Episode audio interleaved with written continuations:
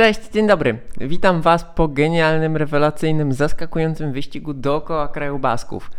To były manewry, to były manewry przed ardeńskimi klasykami, to były manewry tak naprawdę przed Tour de France. Yy, świetny wyścig, zaskakujący, yy, z niespodziewaną yy, jazdą, taktyką Primorza Roglicza i grupy Jumbo-Visma, którzy, słuchajcie, wzięli totalnie wszystko. Ja nazywam się Marek Tyniec i komentuję dla Was najważniejsze wydarzenia w zawodowym kolarstwie. Zatem wyścig dookoła kraju Basków. Wyścig wyjątkowy, bo rozgrywany po pierwsze e, w bardzo trudnym terenie, e, w terenie górzystym, z niepewną pogodą, z wąskimi, krętymi drogami, z bardzo stromymi podjazdami, ale także, co ważne, region bardzo istotny dla kolarstwa, z wielką historią, z historią e, znakomitych zawodników, z historią wielu znakomitych talentów, e, z historią marek rowerowych naprawdę e, z historią świetnych kibiców, no i z historią e, regionu jako takiego autonomicznego, um, cały czas jakby domagającego się swojej niezależności i jakby wyrazem walki o tę niezależność względem e, Królestwa Hiszpanii. E, jest również sport, jest również sport, jest jakby produkcja czy wychowywanie tych młodych zawodników, jest ich wspieranie.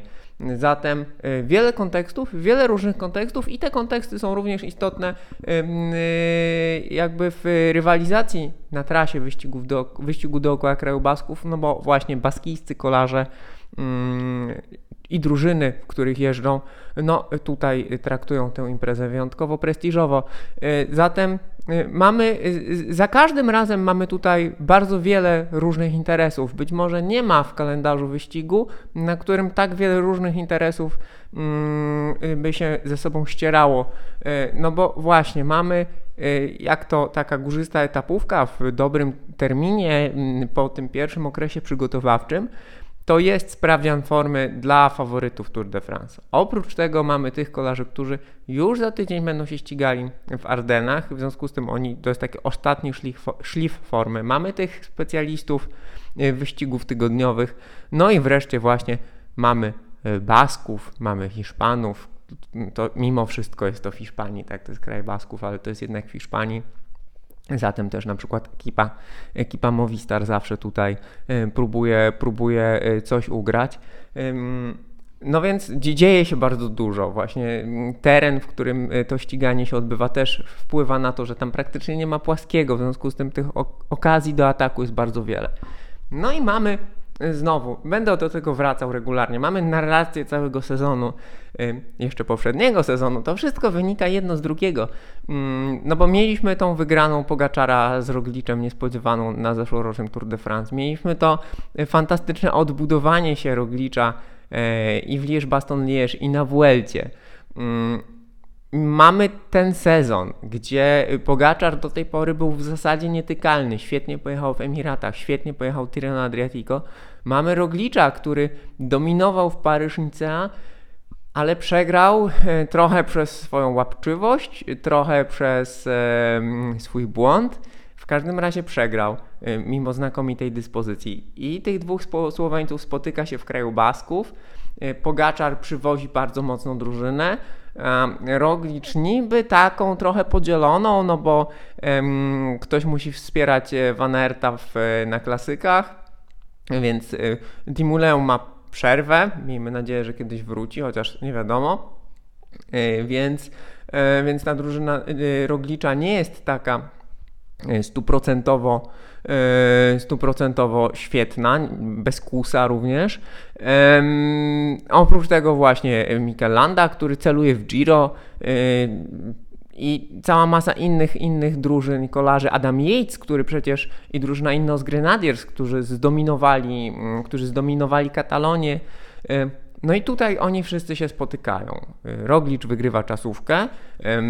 No, pamiętajmy, że to też było bardzo ważne E, ponieważ on e, ostatnią czasówkę z e, Pogaczarem na Tour de France przegrał tutaj.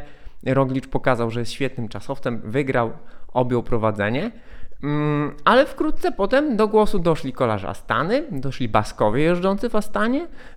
Oni, oni wygrali etap, a w międzyczasie, a w międzyczasie e, jakby prowadzenie w wyścigu, prowadzenie w wyścigu objął Brandon McNulty. E, bardzo dziwny etap e, prowadzący przez słynne wzniesienie Jaskibel, gdzie nie wiadomo, czy jakby y, Jumbo była za słaba, czy popełnili błąd taktyczny. W każdym razie McNulty przejął prowadzenie w wyścigu. No i wydawało się, że e, do ostatniego etapu mm, no, przystępuje w roli faworyta, że Jumbo będzie musiała się natrudzić, a tymczasem e, nie tyle się natrudzili, co tak naprawdę rozbili wyścig pył. E, Roglic poszedł w bardzo wczesny atak, korzystając właśnie z tych różnych dziwnych E, skonfliktowanych interesów e, różnych drużyn. Wywiózł się do przodu, zrobił na ostatnim krótkim etapie z metą na Aratę, wywiózł się do przodu z innymi drużynami. E, w końcówce korzystał czy współpracował z pracy Goody i McCarthy'ego Oddał etap e, młodemu Godi, e, to też nauczka po Paryżnicy, a jakby celebrował zwycięstwo młodego Francuza e, samemu, samemu wygrywając cały, cały wyścig. Jumbo Visma wygrała wszystko, wygrała klasyfikację generalną, wygrała klasyfikację młodzieżową z Wingegaardem, wygrała klasyfikację górską i punktową z Rogliczem i wygrała klasyfikację drużynową, więc totalnie pokonali, totalnie pokonali e, drużynę z Emiratów. Um, drużynę z Emiratów, która no, gdzieś się pogubiła. Tak znaczy, wygląda na to, że Brandon McNulty póki co nie jest jeszcze kolarzem na klasyfikację generalną, ponieważ no, nie jest, e, chyba nie jest w stanie podjeżdżać tak szybko e, i tak często.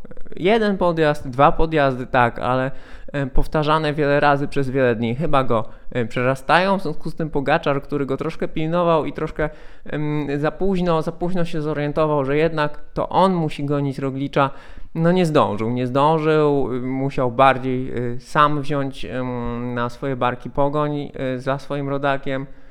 Więc to wszystko było bardzo chaotyczne. Ostatecznie efekt jest taki, że no, Roglic przed Wingardem w klasyfikacji generalnej, trzeci Pogaczar, czwarty Adam Yates. Adam Yates, który próbował, ale no, nie był w stanie tutaj nawiązać do tego, e, co robił w Katalonii, ale też i rywale byli mocniejsi. No i mamy właśnie ten pojedynek słoweńsko-słoweński.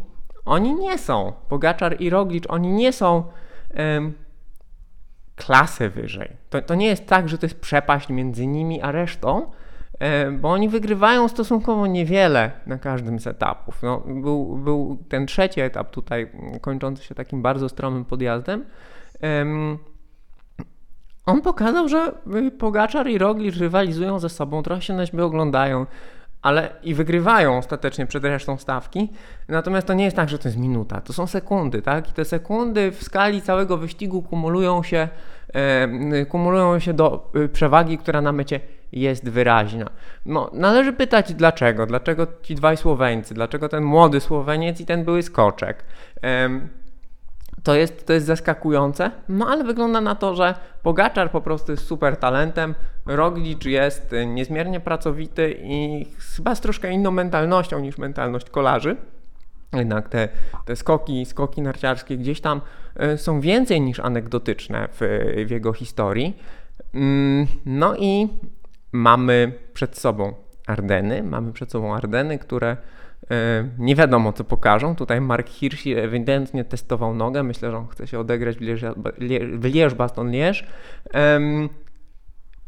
I po takim wyścigu dookoła kraju Basków, po tych etapówkach do tej pory właśnie, po szczególnie po Paryż-Nicea, po Tirreno Adriatico i po kraju Basków, ale także po Katalonii zdominowanej przez Ineos, musimy już myśleć o tym, co wydarzy się na Tour de France. Pytanie brzmi, yy, czy tego typu manewry, atrakcje, bardzo duże ryzyko, które wszyscy podejmowali, jest możliwe na trasie Tour de France?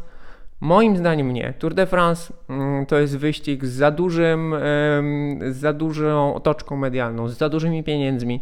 W związku z tym tam jednak częściej będzie minimalizowanie strat niż podejmowanie tak szalonego ryzyka też trzeba wziąć pod uwagę, że mm, no, zawodnicy tacy jak Wingegaard, jak McNulty raczej nie będą tam mieli szansy na to, żeby jechać na siebie. Oni tam będą jednak e, podporządkowali stricte Pogaczarowi, Rogliczowi. Podobnie może być w innych ekipach. Pytanie, co się stanie, jeżeli e, równorzędny albo prawie równorzędny e, zawodnik Pogaczarowi i Rogliczowi na trasie Tour de France na trasie Tour de France wejdzie w rolę tego trzeciego i ich zaskoczy.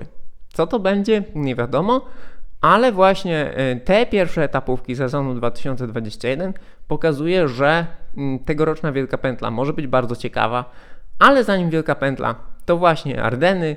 Trudno stwierdzić, kto tam będzie faworytem.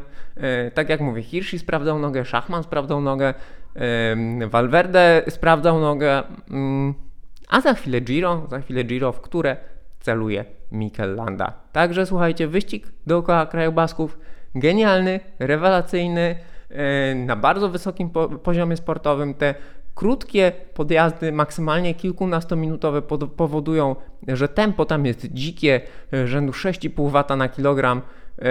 Najlepsi generują e, w związku z tym atomowe, atomowe tempo. No i zobaczymy, co się będzie działo w dalszej części sezonu. Dziękuję Wam bardzo i czekamy na Ardeny. Cześć!